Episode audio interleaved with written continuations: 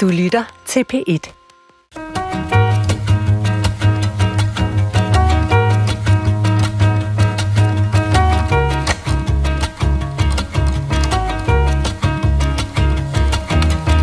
De er så stærke. De kan slå 20 ihjel.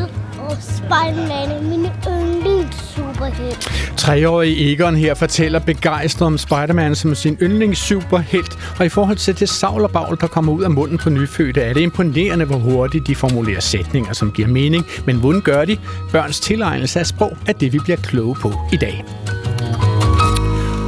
Og til at gøre det har jeg inviteret øh, to mennesker, som ved meget om de mindste børns sprog, og så en, som ved rigtig meget om sprog generelt. Og den første er lektor i sprogtilegnelse ved Institut for Sprog og Kommunikation ved Syddansk Universitet, Leila Kærbæk. Velkommen til dig, Leila. Tak. Leila, altså hvor tidligt i tilværelsen begynder et barn at lære det sprog, som det skal til at begå sig i? Det kan man faktisk sige, at barnet allerede begynder på i den sidste del af graviditeten, altså den sidste del af fostertilværelsen. Fordi der begynder, øh, kan vi sige, hørelsen faktisk allerede at være udviklet, og mange af de her sproglyde når faktisk igennem til fostret. Og det lægger barnet mærke til. Hvordan ved man det? Altså, hvordan ved man, at barnet øh, sådan set allerede der begynder at slå ørerne ud og lytte efter lydene omkring sig? Det må jo være Altså, det ligger jo i vand, og i en dyne af en eller anden slags. Ja, jamen ja, og derfor er det selvfølgelig også mest sådan rytmen i sproget og sådan noget, barnet hører, fordi du har fuldstændig ret. Fostervandet og alle morgens, ja, lydene fra morens krop skærmer selvfølgelig for mange af lydene. Men man ved det både, fordi man har lavet eksperimenter med gravide, det er mest øh, børnesprogsforskere, der stiller sig til rådighed ja. der, men også fordi man ved, at helt nyfødte faktisk er i stand til at genkende deres modersmål, deres mors stemme, i stand til at genkende sange, historier, der er blevet læst op eller blevet sunget meget for dem i løbet af graviditeten. Hold da op. Okay. Min anden gæst er øh, specialist i, hvordan voksne mennesker kan henvende sig til et mindste børn. Hun er redaktør ved DR-kanalen Minichang, som laver udsendelser til af målgruppen de 1-3-årige. Hun er med fra Aarhus på en telefonforbindelse, fordi hun er på barsel øh, lige i øjeblikket. Velkommen til dig, redaktør Sofie Kærgaard Dyre fra Minichang. Tak skal du have. Sofie Kærgaard Dyre, altså øh, taler Minichang babysprog, når I, når I henvender jer til de allermindste? Nej, det gør vi helt bestemt ikke, og det har vi jo øh, det har vi øh, talt med en masse eksperter om, inden vi gik i gang med det her projekt. Øh, hvordan vi skulle gribe det an, for det er jo nyt for os at producere til målgruppen, men vores egen mavefornemmelse var, at det skulle vi ikke, og øh, det blev vi bekræftet i af dem, vi har talt med i hvert fald, og Leila blandt en af dem. Ja, og hvorfor er det, at I ikke, hvorfor, hvorfor afholder I jer fra babysprog? Jamen sådan øh, med mine ord, så, øh, så har vi lidt den øh, filosofi på minisjang, at vi skal til at lære dem, hvordan verden er. Øh, så kan vi lege senere med, at man kan lege med ordene og gøre noget forkert. Men, men den her målgruppe, de 1-3-årige, de er først ved at finde ud af, hvordan det hele det hænger sammen. Og derfor synes jeg også, det er vigtigt, at vi, repræs- øh, vi præsenterer dem for et sprog, der er korrekt øh, fra start. Okay, og min sidste gæst er med for at holde vores snuder helt nede i de sprogfaglige uh, riller. Han er ledende redaktør ved det Danske Sprog- og Litteraturselskab. Også velkommen til dig, Lars Trapp Jensen. Tak skal du have. Lars, kan man svare kort på, altså hvor meget ændrer sproget så hver gang en, en ny generation skal lære, uh, hvordan de skal tale i forhold til, hvordan deres forældre taler? Nej, det kan man ikke svare kort på. tak for svaret. Det var svaret. Hele svaret og intet andet end svaret. altså, med det mener jeg, at man kan ikke sådan kvantificere det og sige, at det er så også mange procent. Men at der sker noget mellem generationerne, det er oplagt. Vi øh, lærer af forældregenerationen, men der kommer også et tidspunkt, hvor forældregenerationen får konkurrence fra legekammerater og skolekammerater, og så bliver man udsat for konkurrerende normer, og derfor ændrer sproget sig jo også, fordi vi ikke slavisk kopierer det sprog, øh, Øh, vores forældre øh, lærer os. Okay, og mit navn er Adrian Hughes, og jeg var, øh, har jeg fået at vide af alle mennesker, en stor snakkende baby, som talte vedholdende og længe, mange år før jeg lærte at kravle og gå. Så det er jo nok derfor, at jeg har fået lov til at sige velkommen til programmet på P1, som indvender sproget på alle måder, nemlig Klog på Sprog. Altså, vi opfordrer jo konstant vores lyttere til at komme med spørgsmål og indspark på klog på sprog, snablag, DR.dk. Og siden sidste uge har vi fået tre mails som omtrent, om omtrent det meste voksne sprog, som overhovedet findes. Og deres pointe er jeg lige nødt til at viderebringe, før vi kaster os over de små børns sprog. For i sidste uge så talte vi i anledning af 1. april om løgn og narrespil, og jeg oplyste, at enkelte har lov til at lyve i retten, hvis de selv er tiltalt. Man er ikke ved lov tilpligtet at tale sandt, hvis det er til skade for en selv. Og i samme åndedrag hævdede jeg så også, at den tiltaltes nærmeste også har lov til at lyve. Og der overvurderede jeg, lad os bare kalde det, med vanlig øh, maskulin selvsikkerhed, øh, de cirka 45 minutter, jeg engang har studeret jura. Altså, vidner i en retssag har pligt til at tale sandt hvis de udtaler sig. Men en tiltales nærmeste har ikke pligt til at vidne. Vedkommende kan vælge ikke at gøre det, hvis de kommer til at skade den tiltalte. Hvis først de sidder i vidneskranken, så skal de altså tale sandt. Tak til de opmærksomme lyttere øh, Søren Lund Rasmussen, Annette Goldsmith og Linda Bernard Langemark, som uafhængigt af hinanden har skrevet og gjort os klogere på det. Så puha, siger jeg bare. Og så er der jo mere guld at hente i indbakken, fordi dagens emne om børns sprog er faktisk foreslået til os af lytteren Lone Tællesen fra Odense. Hun har et barnebarn ved navn Dante, og hans sproglige udvikling er uendelig fascinerende for Lone Tællesen, åbenbart mere end den øh, fascination, hun oplevede, da hendes egen datter begyndte at tale, altså Dantes mor begyndte at tale. Min kollega Svala Sigfuser, der ringede til Lone Tællesen i går. Nu er jeg mormor, og det vil sige, at der er lidt mere øh, tid og ro til at lægge mærke til ting, som man måske skøjtede henover, da man selv var en travl mor. så man kan gå og, og hygge sig med at høre rigtigt efter, mm, og, hvad det er, de siger. Og hvad er det så, du hører, når du hører rigtigt efter? Jamen, jeg har sådan bare oplevet nogle af de der sjove ting med, at for eksempel lige pludselig siger, jeg ryster som et esbelev. Jeg tænker, hvor, hvor kommer det fra? Han siger sådan ting, han har hørt et eller andet sted. Også et eksempel, hvor vi sidder og kigger på nogle ting, og så siger han, hvad er det? Så siger jeg, det er metal. Hvad er det? Det er træ. Jeg er tre år, siger han så. Og hvor tror du, han har fået den her interesse for sproget fra? Altså, jeg ved ikke, han er tosproget. Øh, jeg ved ikke, om, om det gør ham mere interesseret i sprog, at han er opvokset med at både forstå spansk og dansk. Mm. Jeg tænker mere, at børn, når de kan mærke, at der er nogle voksne, der giver sig tid til at kigge på dem og gerne vil forstå dem og snakke dem, så bliver de bare enormt glade. Mm. Og så måske også en større lyst til at tilegne sig det sprog, de hører, når, når, når der er så meget tryghed forbundet med det. Ja, det har måske også noget med det at gøre.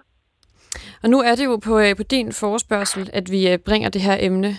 Øhm, ja, er, der noget, du sær- er der noget, du særligt kunne øh, tænke dig at få svar på i løbet af udsendelsen? Jeg synes, det er spændende, og når man nu laver sprogtest for børn øh, allerede i vuggestuen næsten, og, og nærmest kategoriserer børn efter, hvor gode de er til sprog, så synes jeg, det er enormt vigtigt for os alle sammen at forstå, hvor det sprog kommer fra. Altså om det primært er, at der er voksne, der har tid og ro til at lytte og snakke. Når der er en kontakt mellem mennesker, så bruger du sproget til at folde den ud eller bruge den. Mm. Øh, og, og der synes jeg måske, kan det være godt for os alle sammen at være opmærksom på at få snakket være nysgerrig og lytte til små børn, også før de sådan er rigtig gode til at snakke.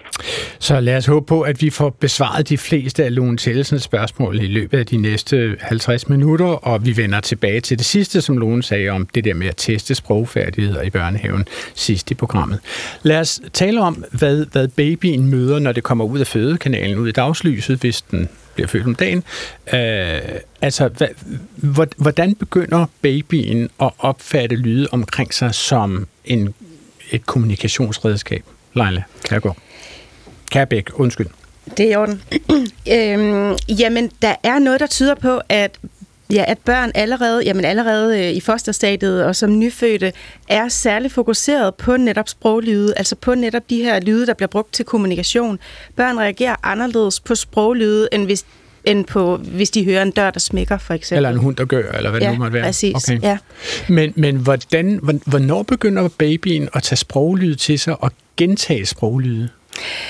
Jamen, altså, helt små, helt små børn, de, alle de lyde, der kommer fra dem, er jo ikke på den måde øh, kommunikative, kan man sige. Altså, det er jo ikke intenderet, at nu græder jeg sådan, at min mor kommer og giver mig noget mad. Nej. Men, så, så det vil sige, at barnet smasker, græder, grønter, øh, og også nogle lyde helt i starten. Men efterhånden finder barnet jo ud af, at øh, det virker faktisk, når jeg gør sådan her.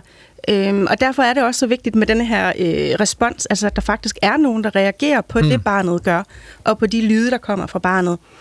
Øhm, og helt små børn er, altså de er meget interesserede i de mennesker, der er omkring dem. Øh, de er meget interesserede i at forstå de mennesker, der er omkring dem, og at andre skal forstå dem. Så, så derfor har de bare rigtig meget fokus på det her. Altså, må jeg spørge, er, er det sprog, hvis et barn ler? Altså, hvis man kilder en baby, øh, og, og det ler, så får det vel en eller anden form for respons. Altså, øh, moderen eller faderen eller onklen eller hvem det er, bliver jo glad for at se barnet le. Er det så øh, kommunikation? Ja, fordi ikke hvis, altså det, mm, ikke hvis det er noget, barnet gør per automatik. Øhm, og det er det jo. Hvis jeg går hen og kilder dig nu, så vil du formentlig også øh, grine og hyle og skrige, uanset Ja, om du det har lyst til at gøre det eller ej. og råbe vagt i gevær og me too. Så, så, øhm, så der, hvor man kan sige, at, at der opstår sprog eller, decideret kommunikation, det er jo, når, når, når barnet har en intention bag, når der er en intention bag øh, de lyde, barnet producerer. Nu ved jeg faktisk, altså hvad er de første ord, et barn lærer? Altså hvad, øh, som regel, kan man sige det? Det er i hvert fald ofte nogle lyde, som minder meget om pludrelyde. Så det er altså nogle, altså det er nogle, øh, øh ja, altså nogle ord, som, øh, som er dannet af nogle lyde, der er nemme for børn at producere, og man ved fra forskningen, at at øh, de lyde, der øh, indgår i børnenes pludren, altså de lyde, der, der er hyppige i børnenes øh, pludren, det vil også være de øh, lyde, der er hyppige i de første ord, børn oh. tilegner sig. Og så forestiller jeg mig, og det er jo fordi, jeg intet ved om det her, at, at, at noget af det første, barnet føler behov for at kommunikere, er sine mest øh, basale behov. Altså for eksempel, øh, jeg er tørstig, eller jeg øh, er, er sulten, går ud fra. Mm. Øh, hvornår lærer barnet at sige mad, M-A-D, med blødt mm. D? Altså, de fleste børn begynder at sige og producere de første ord omkring etårsalderen. Okay. Og, øh, og der er det jo sådan noget som mama, mama, mama. Det er jo også lidt en plødrelyd, ikke? Ja. Mama, mama. Og på et tidspunkt finder barnet ud af, hov, mm, min mor eller far reagerer faktisk og giver mig noget at spise, når jeg siger mama, mama, mama, fordi forældrene hører det som mam, mam, mam, mam, mad. Mm-hmm. Øhm, så Så, så, og så vil, så vil forældren eller øh, omsorgsgiveren, hvem det nu end er, vil, vil sige, det du lige har sagt, øh, betyder rent faktisk mad, og så siger de ordet mad øh, til babyen, og så begynder der langsomt at blive en kobling mellem den der pluderlyd og noget, som rent faktisk resulterer i, at der kommer noget mos. ja, Okay. Der, ja, der er jo ikke nogen, der siger, at i starten, altså i starten, hvor, hvor, hvor forældrene for eksempel genkender det her øh, ma, ma, ma, som, som mam, mam, der er det jo ikke sikkert, det faktisk er intenderet fra, fra barnets side. Nej, det kunne Øhm, være, at, at, men- babyen i virkeligheden mente, jeg vil meget nødig ned i denne klapvogn. Jeg, det er forekommer det. mig ikke nogen god løsning. Eller det kunne være, at det bare var en pluderlyd. Ja, men pludselig okay. genkender forældrene det. Øhm, Okay. Ja. Ja. Jamen altså, øh, øh, Sofie Kærgaard Dyre, det er jo her omtrent, at I så stiger på med minigenre, ikke? Fordi jeres målgruppe, som jeg har forstået det, er de 1 til 3 år, ikke? Når, de, når babyen er ude over pluderlyden, ikke? Er det ikke sådan, Sofie? Jo, det er det, men, men jeg vil faktisk lige sådan, øh, i tilføjelse til det, så, så griber vi jo børn. Børn, det kan du også fortælle om, Leila, det kan du også, Lars, de er jo meget forskellige i deres sprog. Nogle kan mere, og nogle kan mindre. Øh, så vi vil jo gerne fagne dem alle sammen, også når vi modtager dem som, som etårige. Så vi har faktisk øh, i nogle af vores programmer valgt at sætte fokus på blandt andet dyrelyde, fordi det også har nogle af de her øh, mere simple øh, måder at udtale på, altså at sige et mu, i stedet for at skulle sige ko. Øh, det er i hvert fald noget af det, vi er blevet, blevet vejledt i. Så det, har vi, det sørger vi for at, øh, at fagne, sådan at vi ligesom tager dem med fra de allerførste ord, øh, de kan være med på. Og så starter vi jo lige så stille med, øh, med, med at, at putte ord på. Og der øh, er noget af det, vi arbejder rigtig meget med på Minisjang, det er gentagelsen. Okay. Altså, nu Fordi ved de jeg skal ikke, høre det øh, mange gange, ja. inden de... øh, Altså, nu ja. Har jeg jo ikke øh, selv børn, ikke så vidt jeg ved i hvert fald, og, og øh, jeg har derfor ikke haft lejlighed til at se øh, Minichan, før vi tager retlagde det her program, ikke? og jeg ved heller ikke, hvor mange klog på sprogs lyttere, som har børn i, i den, den her Minichans forbrugende alder. Nu synes jeg lige, vi skal høre et klip fra Minichans serie om børste, som jeg må forstå er et pindsvin, og som er Minichans øh, maskot. En ballon og en. Hej, balloner. Ja, der er to ballonger børste. Og hvilken farve har de? De er gule. Ja, Gule balloner. Gul, gul og gul. Gule balloner.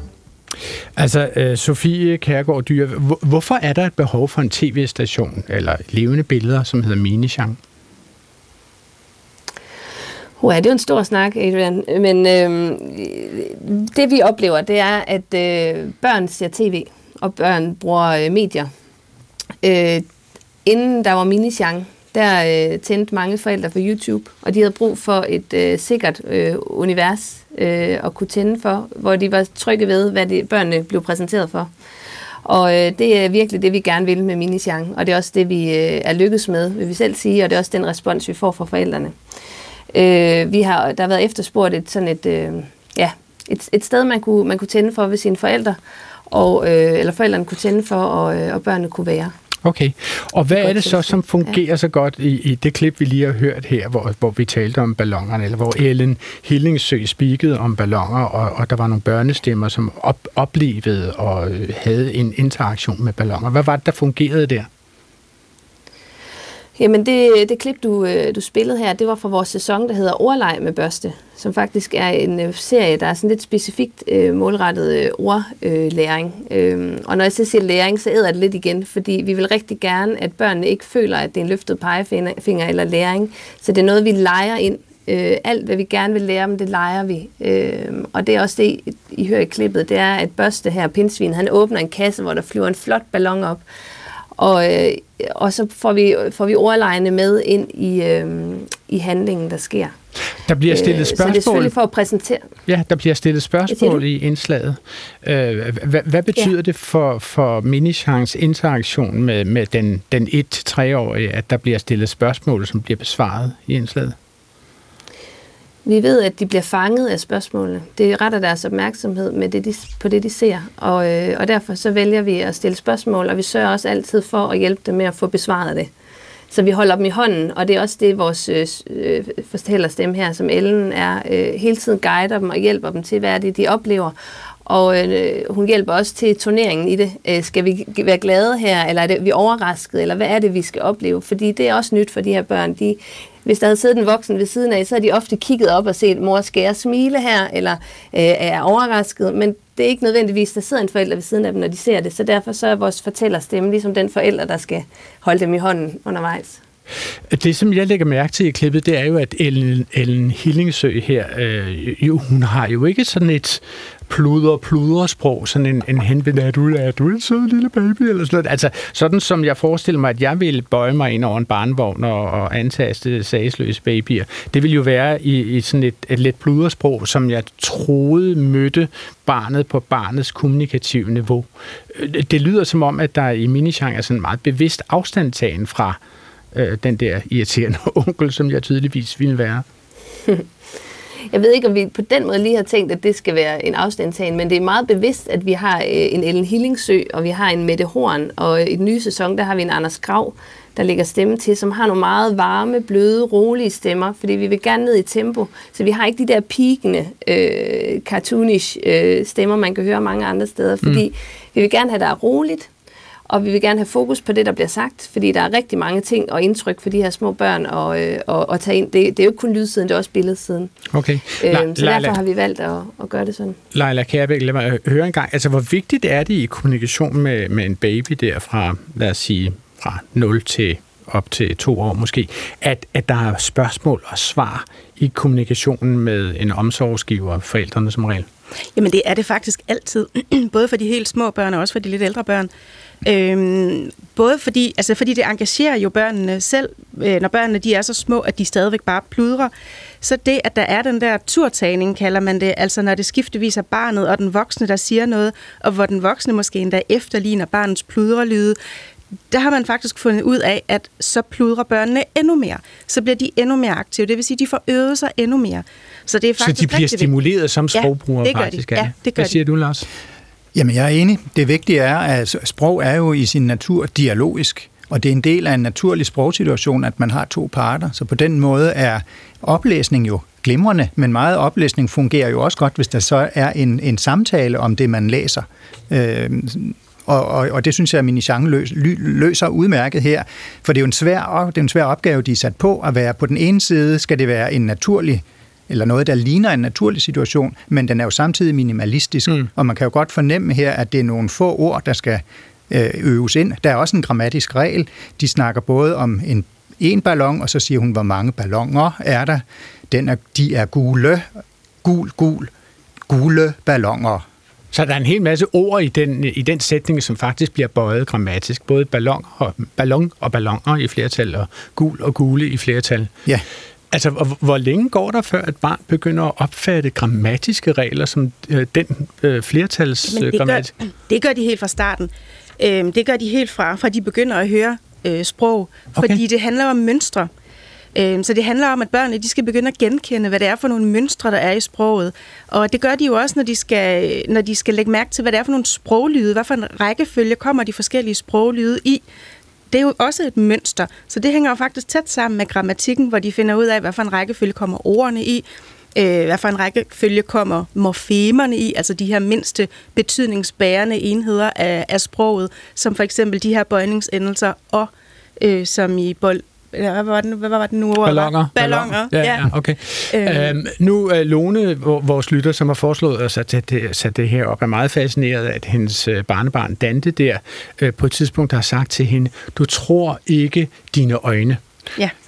Øh, og det tyder jo på, eller det spørger jeg så dig om, Leila, altså kan Dante på tre år, kan han, kan han, kan han finde ud af at bøje øh, øjne i flertal til øjne, eller hvad? Altså, det er jo en meget uregelmæssig form, vil jeg sige. Altså, øjer øh, er måske noget nært, muligvis det eneste ord, jeg kender, som bliver til øjne i flertal. Jeg, nu kigger jeg lidt på dig, Lars, om, om der er andre ord, som bøjer sig på dansk så uregelmæssigt. som Øren kan man også Øren. sige, så den der N i flertal findes nogle få andre men steder. den er ikke før øh, edet, den er efter edet og så videre. Rigtigt. Okay, men, men, men hvor- hvordan kan det være, at Dante kan finde ud af at sige, du tror ikke dine øjne?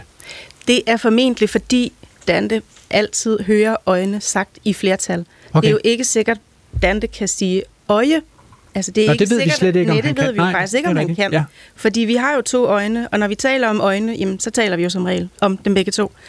Øhm, så, øhm, ja. så det er jo ikke altid, det går, det går den vej, at børnene først tilegner sig entalsformen, og derefter flertalsformen. Hvad siger du til det, Sofie Kærgaard Dyre? Altså, er øjne og øje, er det for kompliceret en ental- og flertalskonstruktion til, at I vil sådan bringe det i spil i, øh, i, i børstes øh, leg med ord? Nej, det er det ikke. Øh, vi har sådan lidt, vi ved, at øh, det er selvfølgelig et til tre år, vi skal ramme, men der er også bare rigtig stort spænd. Så hver gang vi laver et klip, eller laver et program, så kigger vi hele tiden på, er der noget for alle? Øh, og det gør vi lige nu. Fordi at, øh, så kigger der, der, vi ved også, vores Ramachan-målgruppe, altså den der efterfølgerne, de kigger også med nedad. Så, så øh, vi er ikke bange for at sætte baren højt, så længe at det også er forståeligt for den etårige. Der er okay. stadigvæk en ballon at kigge på, der er stadig en farve. Så kan vi godt begynde at lege med flertallet. Og så er der måske ikke, det går det over hovedet på nogen, eller de bliver i hvert fald repræsenteret for det, som Leila også siger. De hører det jo. Det, det kommer jo ind. Øhm, og så tager man det, man kan bruge af det. Øh, så vi er ikke bange for at, at skubbe til det. Men Sofie, nu, øh, øh, mens vi lige har sådan børste i øh, klar erindring, ikke? altså øh, jeg reagerede også på selve det barn, som læser børste op. Altså, hvor finder I de børnestemmer hen? Øh, Jeg ved ikke engang, jeg er ikke sikker på, er, det, er, det, er, er børste en dreng eller en pige, for eksempel? Ja, Børste, han er, øh, han er en dreng, og okay. han, det er stemmen også. Og han er, øh, altså figuren er to og et halvt år cirka. Han opfører sig som en tumling, Okay. eller røver lidt barn i, i, øh, i, øh, på to og et halvt år, men hans ordforråd og hans ordforståelse, den er faktisk som en, fire, det er som en fireårig. Nå. Og det er fordi, at når du har et barn på to og et halvt år, så vil der være en masse øh, måder, de, de laver konstruktionerne og ordene om. Øh, og det gør Børste en gang imellem, laver han sine egne sjove ord, men vi vil som, som med alt andet på Minisang gerne køre efter det her læringsprincip, at de skal præsenteres for noget af det korrekte først. Så derfor har vi ikke været så bange for at give ham en lidt ældre, øh, øh et ældre ordforråd, men han er stadigvæk øh, behandler ordene som en, øh, en dreng på to og et halvt. Og ham, der så speaker det, han er, jeg kan ikke huske Alexander, hvor gammel han nu er, om han er seks år eller sådan noget. Øh. Så det ligger betyder, stille. altså, øh, I tager simpelthen helt bevidst, øh, ligesom havde nær sagt, man gør i ungdomsfilm, sætter man jo også 30-årige skuespillere til at spille, altså øh, studerende på 18 og så videre, ikke? Så det gør I måske også på, på Minisang, at I tager betydeligt ældre børn, som spiller karakterer, som er yngre, end de er i virkeligheden. Ja, og der, det, selvfølgelig, det gør vi, og det gør vi af flere grunde. Der er også noget lavpraktik i. Det er enormt hårdt at stå i et, et, et lydstudie og speake så, og, og øh, have sådan en loppe øh, på to år inden og snakke. Det, øh, det, det fungerer ikke. Okay, det giver mening. Vi har et lytterspørgsmål, som handler om, hvad man hører og hvad man gengiver fra det, man hører. Og det er Lene Hovgaard fra Aarhus Syd, som skriver, Jeg har i det sidste år mange gange undret mig over, hvorfor børn og unge pludselig er begyndt at sige turte med trykket på D og ikke et stumt D'er. Det undrer mig, hvordan udtalen med det klare og ikke stumme D er kommet på banen. Kan du forklare, hvad der foregår her, Lars Trapp Jensen? Jeg er også en lille smule forvirret over lytterens spørgsmål, fordi sådan burde det ikke være. øhm, Nej.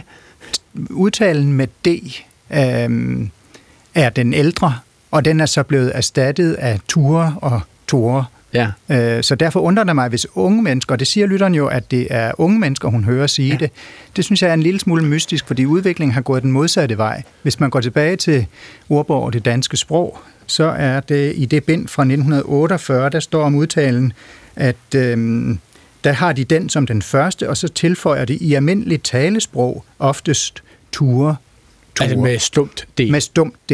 Ja. Og i den danske ordbog, som jeg redigerer og er den moderne sprog, der har vi kun D-formen med, når man siger, at det turde være bekendt. Altså den der sådan... Når det er meget accentueret. Ja, eller det vi kalder konjunktiv, ikke? Okay. Men ikke som en almindelig datidsform, og heller ikke som en almindelig infinitiv. Så det burde ikke være muligt øhm, at høre unge mennesker, men jeg fik min kone, som er underviser, til at spørge i en klasse, og der var det cirka 20 procent af eleverne, der også havde det i udtalen. Nå. Så måske, og nu Og hvor gætter, nu, gamle er nu dine gætter jeg, kones elever?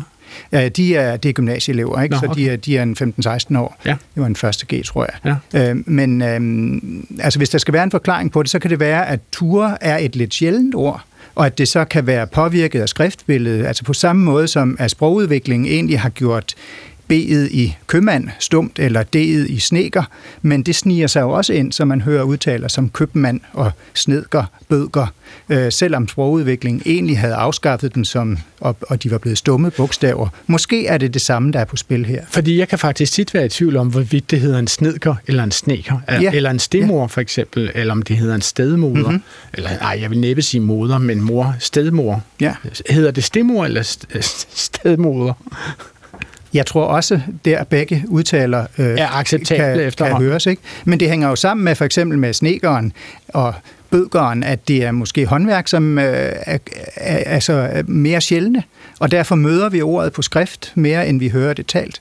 Og okay. Der kan måske være det samme på spil Okay. okay. med ure. Vi tager et lytterspørgsmål til, når vi alligevel står på hovedet i indbakken her. Det er Karen Mose fra Nørrebro, som har sendt os et spørgsmål om sprog, som er nogle opfattet som barnligt. Altså nemlig om, hvordan man laver ejefald på navne, som øh, ender på S. Altså hvis man nu forestillede sig for eksempel en falderet og pensioneret politiker, som i sit odium besluttede sig for at stifte et parti for at sikre sin årsløn som medlem af Folketinget, og hvis vi kaldte sådan en politiker for Lars, ville det så hedde Lars Parti, eller ville det hedde Larses parti. Og det spørger altså Karen Mose om. Øh, ikke med det eksempel, hun har et andet eksempel om med ejefald. Anders har en hund, det er Anders' hund. Hun siger, at det hedder Anders' hund. Det synes hun lyder som det mest korrekte. Mm-hmm. Hvad siger du til det, Lars? Øh, Jeg siger, at øh, det her er hun i sin gode ret til at sige, men øh, at det er også ganske almindeligt, at man stryger den der lange form, øh, så man kun har s'et tilbage. Øhm, På skrift blev det afskaffet som officiel retskrivning af, i retskrivningsordbogen 2001, så det tyder på, at øh, den lange form er, er på vej øh, tilbage, men den findes og kan stadigvæk øh, høres. Okay, så man kan godt sagtens sige Anders' hund. Det kan man godt. Nogen synes måske, at det lyder lidt barnligt, Ja. Øhm, men øh, der er masser af folk, der Ja, siger det. ja. Måske især ældre. Ja, altså nogen, det er mig. Altså jeg, jeg er jo hyperkorrekt, og jeg elsker, at, jeg kan, at man kan høre den lille ejefalds apostrof, ja. Mm-hmm. når jeg siger Lars Parti. Aha, men du siger ikke Lars' Du kan sende ikke. spørgsmål til klog på sprog dr.dk. Du lytter til Klog på Sprog om, hvordan børn lærer at tale og bruge sproget, og jeg har besøg af Leila Kærbæk, som er lektor i sprogtilegnelse ved Syddansk Universitet, og af Sofie Kærgaard Dyre fra Minichang, og af Lars Rapp Jensen, som er ledende redaktør ved det Danske Sprog- og Litteraturselskab. Lad os gå tilbage til børnenes øh, eget sprog. Rundetårn i København fejrede i lørdags eventyrdigteren H.C. Andersens fødselsdag, og min kollega Clara Witt mødte nogle af de mindste børn for at indsamle eksempler på, hvordan sådan nogen formulerer sig. Hvad hedder du? Egon. Hvor gammel er du, Egon? Øhm, tre en halvt. Hvad er din yndlingshistorie? Øhm, superhelte. Det er fordi, de er så stærke. De kan slå 20 ihjel. De, og de kan skyde. Og Spider-Man er min yndlings superhelt. Det er fordi, han kan skyde med spil. Kan du også godt lide æderkopper så? Æderkopper? Ja, ja. Hvad med jagtæderkopper? Jagtæderkopper, hvad er det for nogen? De jagter efter mad. Ja, der er jo en hel del at tage fat på her hos Egon. Altså for det første fortæller han jo en ret lang og sammenhængende forklaring på, hvorfor han er særlig glad for Spider-Man. Altså hvordan Leila kommer tre et halvt år frem til at kunne sætte så relativt komplicerede sætninger sammen, som han gør her. Jamen altså, øhm, hvad kan vi sige, sprogtilegnelsen den øh, starter med, at børn egentlig meget imiterer andre. De imiterer det, de, det, de hører andre sige. Og efterhånden, så øh, begynder de jo at lægge mærke til de mønstre, der er i sproget, og begynder så selv produktivt at danne nogle nye former, Mhm. mm-hmm. både nye ordformer og nye sætningsformer.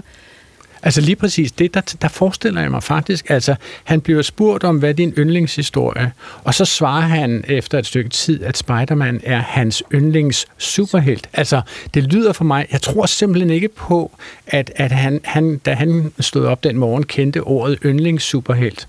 Altså, jeg tror, at han har lavet en kobling fra spørgsmål fra Clara om hans yndlingshistorie til øh, at tale om superhelte, og så lave den der, øh, det der muligvis for ham nye sammensatte ord, yndlings superhelt. Ja. Hvordan, hvordan kan han det? Jamen det, jamen det kan børn faktisk ret tidligt. Øh, børn er enormt kreative øh, i forhold til i, ja, i forhold til at danne nye ord og danne nye sætninger.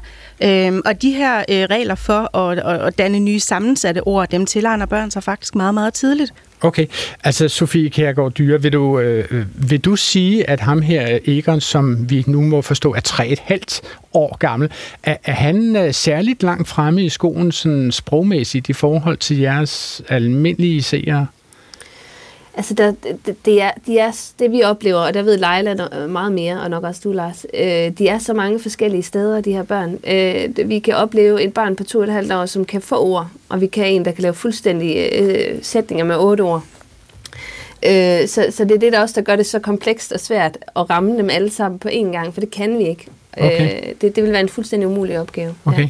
Lars Rapp Jensen, jeg lægger også mærke til, at Egon her øh, til synlædende, så vidt jeg kan høre, kan kende forskel på yngling og yndling med D og G. Ikke? Altså, hvor, hvor- hvor meget styr på sin mund skal man have for at kunne kende forskel på en yndlings superhelt og en yndlings superhelt? Det, man skal selvfølgelig have styr på for finmotorikken, og det har han bare det, han kan udtale et så langt og kompliceret ord som mm. yndlings superhelt, og det gør han jo rigtig flot. Ja. Øh, men øh, som Leila også er inde på, så og hvis, det, hvis din teori holder, at det er fordi inputtet er, hvad er din yndlingshistorie, Ja. så kan det jo også bare være, fordi han kopierer. Øh, Klare, hvad og det der med at skelne mellem yndling og yngling, Ja. ja. det kræver jo, at man behersker begge ord, Ja. før man kan begynde at blande dem sammen. Og det er der jo rigtig mange voksne, som ikke gør. Bestemt. Helt så at sige. Altså, nu står vi jo ikke og, og uddeler karakterer til Egon, men han laver jo faktisk en fejl til sidst. Han siger, at jagtæderkopper jagter efter mad. Øh, hvad er det, der går galt for Egon her? Han laver en overgeneralisering. Okay, hvordan det? Så øhm, øhm, jamen, fordi han siger jagter efter, han kunne, øh, og det kan du jo have, du kunne have brugt det, hvis det var et andet ord end jagter. Ja. Øhm, du kunne jo løbe efter nogen, øhm, men, men man kan ikke jagte efter nogen. Så der ville man ikke have det her efter med. Så der laver han simpelthen en overgeneralisering, og det laver børn også masser af. Og det er fordi, der, der er en uregelmæssighed her, at, at substantivet jagt øh, som verbum bliver til at jage som regel, ikke? med mindre at der er det der efter. Øh, men hvis der ikke er, øh, hvad hedder det så, stedeordet øh, efter, øh, så bliver det jage. Det er det almindelige substantiv. Og det substantiv kender han til synligheden ikke. Så der er, der, er et eller andet, der er en eller anden forbindelse, som man ikke forstår. Hvad siger du til det, Lars? Verbum mener du, at det, normalt, hvis man jager, man jager, æderkoppen jager, Præcis. ordet jagte findes også, men det, det, det er jo brugt overført, at man, at man forfølger nogen.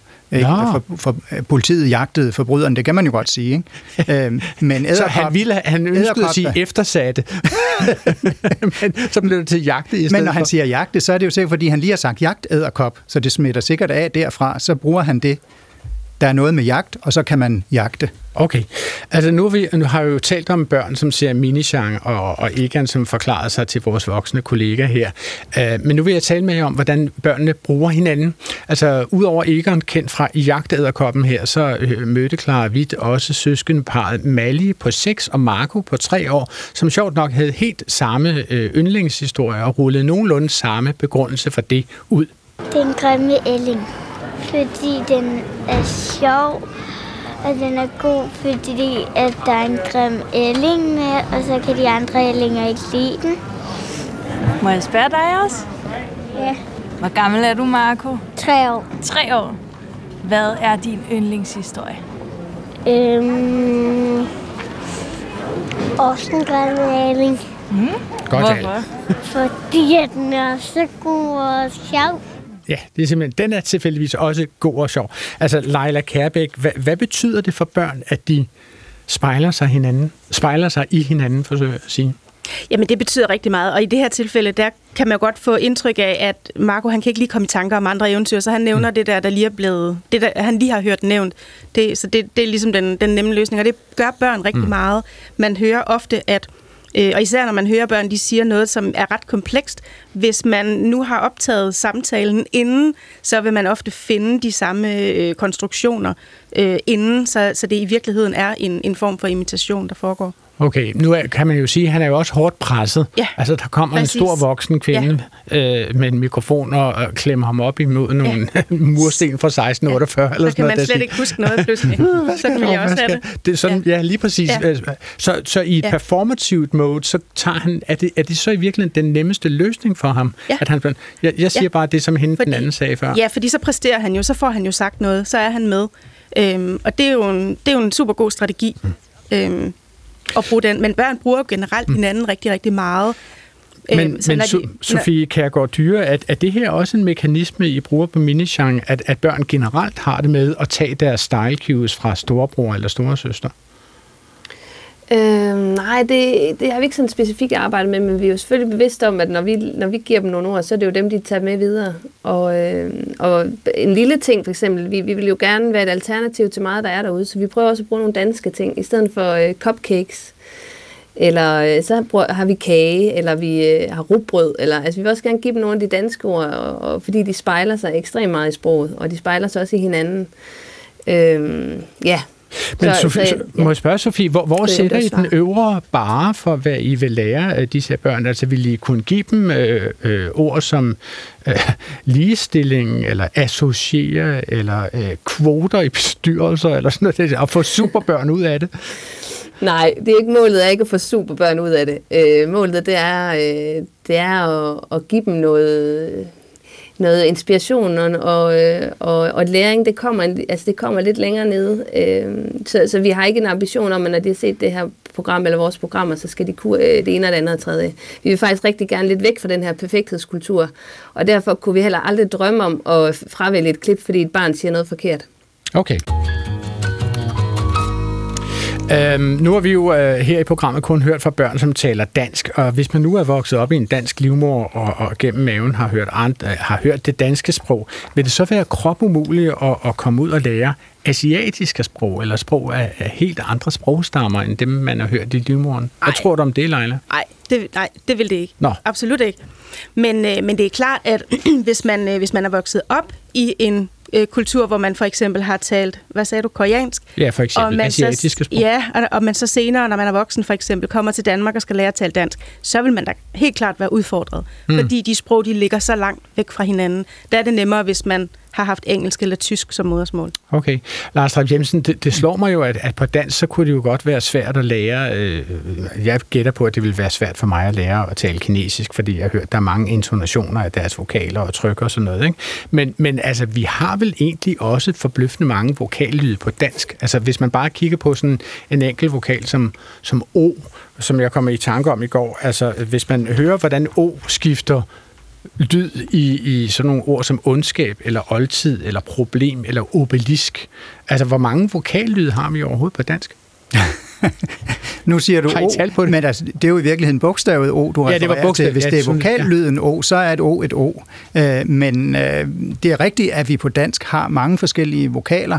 Nogen kan godt overdrive det. Og hvor, hvor mange vi har, det er faktisk øh, et sværere spørgsmål, end du øh, måske lige er klar over, med, fordi det er noget videnskab. De sætter vi en udsendelse det, det, det kan man sagtens ja, okay. bruge en, udsættelse, en ja. udsendelse til, for det er, jo, det er jo noget med, at øh, der er, er både det akustiske signal, og så er det den måde, vi tolker det, når det kommer op i hjernen. Og man plejer at sige, at det giver bedst mening at skælne vokaler der, hvor de er betydningsadskillende. Mm-hmm. Øh, og så er, har vi et, alt afhængigt af, hvordan man tæller et sted mellem 13 og 15 øh, vokaler i, i dansk. Og det er bestemt i den høje ende, den højeste ende af skalaen. Øh, så på den måde er det noget, der volder udlændinge. Hvad mener du med den højeste ende af skalaen? Sådan internationalt set, ja. i forhold til ja. mange sprog? Eller? Ja. I forhold til andre sprog og deres okay. inventar af vokaler, så har dansk ganske mange vokaler. Okay, så og vi er simpelthen et folk, som sondrer rigtig mange mellem, meget vi. mellem forskellige vokallyde. Det gør vi, og det ved vi, at udlændinge har problemer med, okay. når de skal lære sig dansk, okay. hvis de ikke har den skældende i deres eget sprog. Og, og det bringer mig jo simpelthen frem til spørgsmålet, er børn bedre til at lære øh, sprog end voksne? Leila? det, øh, nej, det tror, nej, det tror jeg simpelthen ikke på, at de er. Øhm, men, men, men der er bare noget, der adskiller børn og voksne, nemlig den kontekst, vi indgår i. Mm-hmm. Så hvis du øhm, rejser til et andet land som voksen, så vil du blive talt til på en helt anden måde, indgå i en helt anden kontekst, end, hvis, end når du er et lille barn, der fødes ind i, i, i en familie. Små børn, de er jo aldrig alene, så det vil sige, de hører hele tiden, at der er nogen, øh, der taler omkring dem folk har øjenkontakt med dem, leger med lydene. Øhm, så de er hele tiden i en meget konkret indlæringssituation, faktisk? Det er ja, nærmest det, du siger? Ja, og, ja, og, og voksne har, og faktisk også øh, øh, lidt ældre børn, har faktisk en, øh, en helt fantastisk øh, in, øh, intuition i forhold til at gøre deres, øh, tilpasse deres sprog, det som det lille barn har brug for. Mm-hmm. Og det er sværere, det gør vi ikke så meget ved, ved voksne, fordi vi vil have en oplevelse af, at vi taler ned til de voksne. Mm. Hvad siger du, Lars? Jamen, jeg vil godt sige, at jeg synes nu, børn er bedre til det end, end voksne, fordi det sker automatisk, øh, at man, øh, hvis man bliver udsat for et sprog af omgivelserne, så lærer man det. Det gør voksne også. Og øh, øh, for eksempel, når du spørger, med, om man kan lære det som barn, der er masser af børn, der bliver adopteret fra Korea eller Sydamerika, som lærer at blive øh, modersmålstalende dansk Ja. Øh, når de, de går jo rundt og har oceanske accenter. Ja. Og Men på et eller andet tidspunkt, så, så øh, stivner vores evne til naturligt at lære sprog, og så må, Ej, vi bruge en anden, ikke. så må vi bruge en anden strategi til det. Og altså, jeg kan jo se, at jeg har i dag sværere ved at lære nye sprog, end jeg havde, øh, da jeg var ung. Men det skyldes noget andet. Det kan være, fordi du føler dig hæmmet, altså fordi der måske er noget psykisk, der påvirker. Øhm, eller, og det handler altså også rigtig meget om de, om de der sammenhænge, man, man indgår i. Vi havde for eksempel for nogle år siden en, en øhm, øh, en studerende der, øh, fra Tyskland, der boede hos os, der gik, altså efter, hvad var hun der, tre måneder, der talte hun dansk. Øhm, nu er der og, heller ikke vanvittigt langt fra tysk til dansk. Ja, det ved jeg nu der ikke. Det er der, nu, det er der jo alligevel. Altså, fordi det er jo et helt andet sprog. Altså, ja. det er et helt okay. andet sprog. Jeg har ja. haft tysk mange år i skolen, og det, jeg vil sige, det er stadigvæk lidt rustigt. Men hun talte formentlig Men, ikke lige så godt dansk, nej. som barnet, der øh, er vokset op. Jo, efter øh, tre måneder. Dansk. Et barn på tre måneder kan ikke sige noget. Kan nej. ikke sige nogen ord. Ah, nej. Så, så jeg tror, vi kommer til at, øh, vi kommer altså til at overdrive, hvad, hvor meget børn egentlig kan. Et barn er jo en, hvad, fire, fire, fem år, før de faktisk taler rent.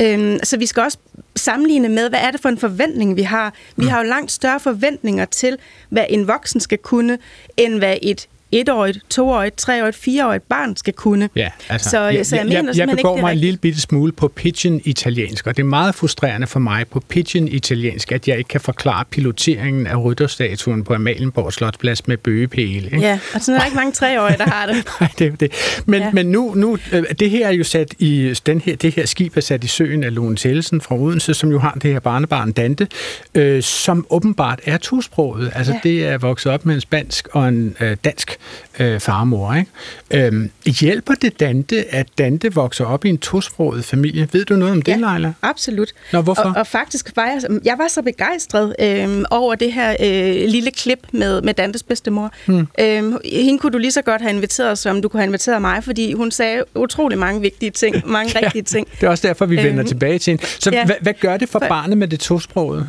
Jamen, Jamen, jeg, jeg tænker faktisk, at det godt kan være, det at Dante vokser op som, som tosproget, kan faktisk godt være en årsag til, at han er så sproglig kreativ, som det lyder til, at han er. Fordi det er der faktisk meget forskning, der peger på, at, at tosproget netop er langt mere kreativ i deres sprogbrug. Og hvorfor er de det? Fordi Hvad- de er vant til at skulle jonglere med to sprog.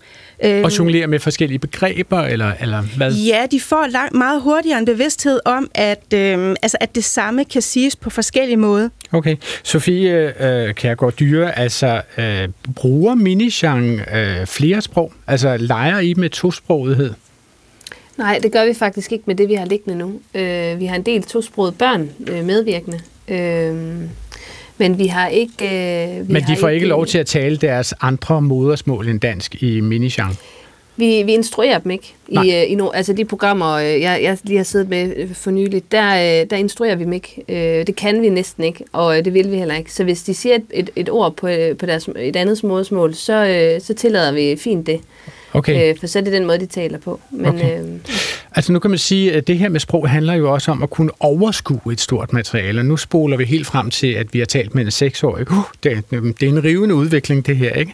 Vi har talt med Ellen, som gerne vil fortælle os om øh, et, øh, et yndlingseventyr, eller en yndlingshistorie med Rasmus Klump. Og der har vi simpelthen bare lige for at, at tjekke, om hun har styr på det, så har vi kigget på bagsiden af den her Rasmus Klump-historie, for at se, hvad den handler om. Nu fortæller jeg det så. Altså Rasmus Klump og vennerne væder 100 100 pandekager med fisker gris om, at de kan rejse jorden rundt på 50 dage. Imens må fisker gris ikke spille kort. Rejsen går over stok og sten med både tog, luftskib, elefant og raket. Ved det må lykkes Rasmus Klump og hans venner og overraske fisker gris med kortene på hånden. Og sådan her bliver det så genfortalt foran rundetårn af Ellen, 6 år gammel. Det handler om, at Rasmus Klub han har lavet en aftale med Fisker Gris. Fisker Gris skal spille et spil, imens de ret store mål. Den, der først kommer tilbage, har vundet. Altså, fordi Fisker Gris, hvis han nu ikke opdagede, at Rasmus Klump kom, så havde de tabt det, og så fik Rasmus Klump rigtig mange pandekager. Ja, nu er det, jo- giver vi jo ikke karakter i klog på sprog, men altså, de spørger, hvad, hvad, hvor, hvor, hvor mange point vil du give til Ellen for sin genfortælling af den alle, her alle de point, man kan få. Hun klarer det i hvert fald bedre end mig. Jeg havde da allerede glemt, hvad det var, du startede med at sige. at du stemplede simpelthen ud, mens jeg stod og talte i radioen. Det kender jeg fra mig selv. Nej, hvor ondskabsfuldt. Okay, altså, øh, men øh, lad os lige gå videre til et lytterspørgsmål, Lars. Altså, forskellen mellem drenge og piger bliver øh, mere og mere udtalt efterhånden, som de bliver ældre, og vores lytter, Nils Villefrans Andersen fra Køge, har skrevet til os med et spørgsmål om en aldersgruppe, som lige med nød og næppe kan klemmes ned i det her, den her børnekategori. Det er teenager. Han skriver, for et par dage siden så gik jeg over Køgetorv. En gruppe øh, unge fra 9. klasse drev ind over pladsen. Der var seks piger og fire drenge. Pludselig dukkede en ny pige op. Hun blev af alle seks piger modtaget med kram og ord som hej søde, godt at se dig. Spørg mig, om du ser godt ud. Jeg har savnet dig, søde. Og så bemærker lytteren her, at de fire drenge straks gik væk fra pigerne, som de, de skubbede til hinanden, grinede og drev lidt videre, og pigerne blev stående. Det var tydeligt, at drengene bare ventede på, at krammene her var overstået. Og det virker jo venligt, men også overfladisk, skriver vores lytter. Hvordan er trenden med at kommunikere med kys og kram opstået? Hvad siger du til det, Lars Harp Jensen? Øh, Ja, jeg siger, at øh, han har jo nok ret i, at der er sket noget, siden han selv var ung, øh, hvor, man, øh, hvor der ikke var så overstrømmende et hilseritual, når man mødtes med kammeraterne.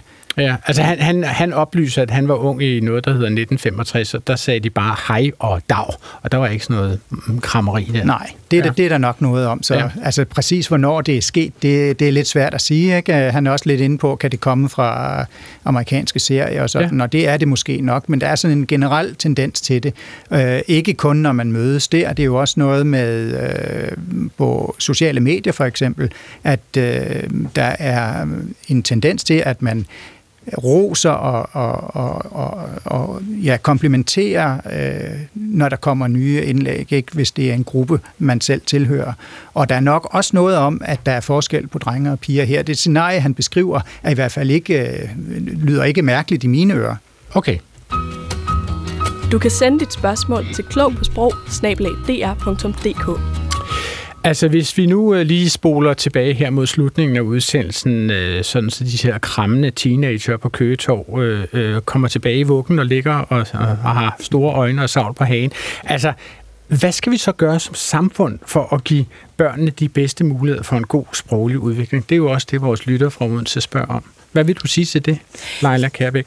Jamen, jeg vil sige, at vi skal have, øh, vi skal have mm, fokus på sprog øh, på en anden måde, end hvad jeg synes, man har mange steder i dag. Altså, hvor det bliver lidt sådan noget skolificeret, noget, der skal, skal testes og vurderes.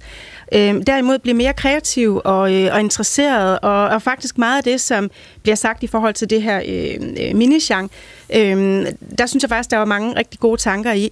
Altså det her med, at man har en åbenhed over for sprog. Hun fortæller også, at når der er nogle flersprogede børn, der for eksempel øh, siger øh, ord på nogle af de andre sprog, de kan, det bliver bare accepteret, det bliver anerkendt, og det er, og det er generelt rigtig, rigtig godt. Vi skal, vi skal være, være gode til, og, altså vi skal blive bedre til at se alle sprog som en værdi, alle sprog som en ressource, øhm, og, og i langt højere grad byde det velkommen. Sofie Kærgaard Dyre, altså undersøger I, om jeres seere får et bedre sprog af at se Minichang? Nej, ikke, ikke, øh, ikke så konkret. Vi, øh, vi laver rigtig mange tests af alt vores indhold, fordi det er svært for dem at sætte ord på det, øh, fordi de er så små. Men ja. vi laver forskellige klip med forskellige mængde speaks, så sidder vi og observerer dem, ser, gentager de noget af det, de ser, eller flyver det over hovedet på dem. Ja. Så vi, vi tester nærmest alt vores indhold på vores målgruppe, og, og så prøver vi selv at, at se, hvad vi kan få ud af øh, at observere dem og lytte. Ja. Hvad, hvad, hvad gentager, altså hvad er det for nogle reaktioner, I får fra, fra børnene, når de sidder og ser minisjang? Hvad gentager de for eksempel? Jamen det kan for eksempel være, at der er en, der siger, åh, den er lilla, eller ballon, eller det kan være, de griner. Ja. Øh, og så kan det jo være, at det er vores speak, der hjælper dem til at grine. Men hvis ikke de forstår, at det her det er noget, der er sjovt, så kan det være, at vores speaker skal sige, have en lidt mere lejende, glad tone, der hjælper dem til at forstå, hvad det egentlig er, øh, de, har, de skal have øje på. Så er, vi, øh, er der også noget med tempoet, Sofie? Altså nu hørte vi den her speak fra Ellen Hillingsø. Altså, øh, hun, så vidt jeg kan høre på hende, så har hun et ret roligt, ja. øh, ikke forceret tempo. Ja, det er vi meget opmærksom på. De blev, de blev præsenteret for både billede og lyd, øh, og, og, og klip øh, de her børn, så det skal helt ned i tempo, og det er for børnenes skyld, og det er også fordi, at det er, forældrene de er gatekeepers her. Vi har brug for, at forældrene de også har lyst til at tænde for os. Mm. Så børnene skal holde, kan holde ud og høre på det, men det skal forældrene også, når de står og laver mad i ulvetimen, så skal de have lyst til at vælge os til, til deres børn. Øh, og det kan vi så også se, de gør. Vi ved nu, at 9 ud af 10 småbørnsforældre, de kender faktisk til Minichang. Øh, og, og 40 procent af målgruppen bruger os også øh, ugentligt. Så, øh, så, så vi rammer det, og, og jeg tror også, at sproget og, og tempoet i sproget er, er en stor del af det. Men det må da være kolossalt svært at lave indhold, som, som både appellerer til en 1-3-årig, samtidig med, at det skal øh, appellere til en, en mand, som står med et forklæde på og streger frikadeller. Jeg tror, manden med forklædet, han skal stå ikke og blive fuldstændig desperat af at høre øh, et, et tv, der går fuldstændig øh, banjo. Nej, vi vil bare gerne have, at, at, at når børnene kommer hjem fra vuggestue og dagpleje, at så får de lov at sætte sig ned med ro på øh, og se det, vi nu præsenterer for dem. Og så, sagde Leila Kærbæk det her med, at, at I lader tosprogedes ord øh, komme med i indholdet ukommenteret. Er det rigtigt? Altså dukker der en del tosproget indhold op i Minichan? Jeg ved ikke, om der er en del af det, men vi har mange tosprogede børn. Vi har også børn med handicap. Øh, vi har en pige med Down-syndrom. Vi, har, vi er meget mangfoldige, og det er enormt vigtigt for os på Minisjang, at vi ligesom fagner det hele. Og så har vi den her vigtige ting, at vi går ikke ind og instruerer børnene og korrekser dem. Okay. Så, så slipper der noget igennem, så lader vi det være. Okay. Så sagde vores lytter Lone Tellesen jo også, at det her handler også om tests i altså vuggestue mm. og børnehave og senere hen i skolen. Altså, hvor, hvor tidligt øh, begynder vi at vurdere børns sprog og kvantificere deres sproglige kapaciteter? Jamen altså i dag der findes der faktisk øh, øh, test fra ministeriet helt fra børnene. De er to år gamle. Øhm, og øh, ja, når, man kan teste dem igen, når de er tre, fem, og i børnehaveklassen der er det obligatorisk for alle børn, at de skal øh, gennemgå sådan en, en sprogtest, en sprogvurdering. Øhm, det lyder jo da, umiddelbart meget godt, eller hvad? Mm, jamen, altså, jeg, jeg, jeg synes måske, det er lidt ærgerligt, at det er der, ressourcerne de bliver brugt. Der Hvorfor? Er ikke, fordi der er ikke rigtig, øhm, ja, der er ikke nok evidens for, at det faktisk øh, har en positiv effekt på børns sprogudvikling. Så den, de ressourcer kunne være brugt bedre øh, ved at pædagogerne, øh, skolelærerne, øh, var sammen med børnene, taler med børnene, altså har interaktion med børnene, fordi det er jo det, man lærer sprog ved. Det er ved den der interaktion. Og jeg synes, øh, altså Sofia, hun siger jo mange virkelig, virkelig gode ting. Altså også det her med, at I for eksempel I stiller spørgsmål. Øh, det gør jo netop, at børnene de bliver aktive, fordi de selv mm-hmm. begynder at tænke. Det vækker noget i børnene. Og det gør jo, at, at, de selv, ja, at de selv er aktive. Det her med, børnene selv er aktive, er enormt vigtigt for sprogtilegnelsen. Ikke aktiv fysisk nødvendigvis, men, men ind i hovedet. Altså, at de selv tænker med. Mm. Og også det her, at de kobler sproget med noget visuelt. Det er også noget, vi ved, der, der har en meget, meget positiv effekt på sprogtilegnelsen. Øhm, så, det er også, øh, så det er også rigtig godt. Men, Jeg læste et uh, læserbrev i Politiken forleden dag, hvor en, en kvinde fortalte, at hendes barn var tosproget, og derfor altså formelt set øh, fik lidt færre point, fordi vedkommende var en lille bit smule dårligere på begge sprog, end vedkommende ville være på det ene sprog, hvis ja. vedkommende kun havde et sprog at, ja. at takle. Altså, hvis hvad, man... hvad er problemet med det at, at måle et tosproget barn på den måde? Ja, hvis, man ser, hvis vi ser på den internationale forskning, som der er meget af efterhånden, så øh, er det dokumenteret, at man, man kan ikke, det giver et skævt billede af tosproget børns sprogudvikling, hvis man tester dem på baggrund af de her etsprogede normer. Mm-hmm. Så der skal altså noget andet til, fordi de kan jo noget andet. Okay, det blev simpelthen sidste ord i Klog på Sprog. Vi er færdige med at pludre og tale babysprog for i dag. Jeg siger tak til mine gæster, Leila Kærbæk, lektor i sprogtilegnelse ved Syddansk Universitet, som var hende, som talte her til sidst. Jeg siger også tak til redaktør Sofie Kærgaard Dyre fra Minichang, og til Lars Trapp Jensen, ledende redaktør for det Danske Sprog- og Litteraturselskab. Udsendelsen her er tilrettelagt af Clara Witt og Svala Sigfuser Dottir, som også stod for teknikken, og den blev, blev præsenteret af mig, det storpludrende barn Adrian Hughes. I kan nå os med kommentarer, debat og spørgsmål per mail til klogpåsprog.dr.dk. Og husk nu, jeres verden bliver forvandlet i det øjeblik, I opdager, at både det her program og alle andre P1-programmer og alt muligt andet ligger i jeres lommer som podcast, når som helst I trænger til begavet indhold på genhør næste fredag op til middagsradiovisen. Gå på opdagelse i alle DR's podcast og radioprogrammer. I appen DR Lyd.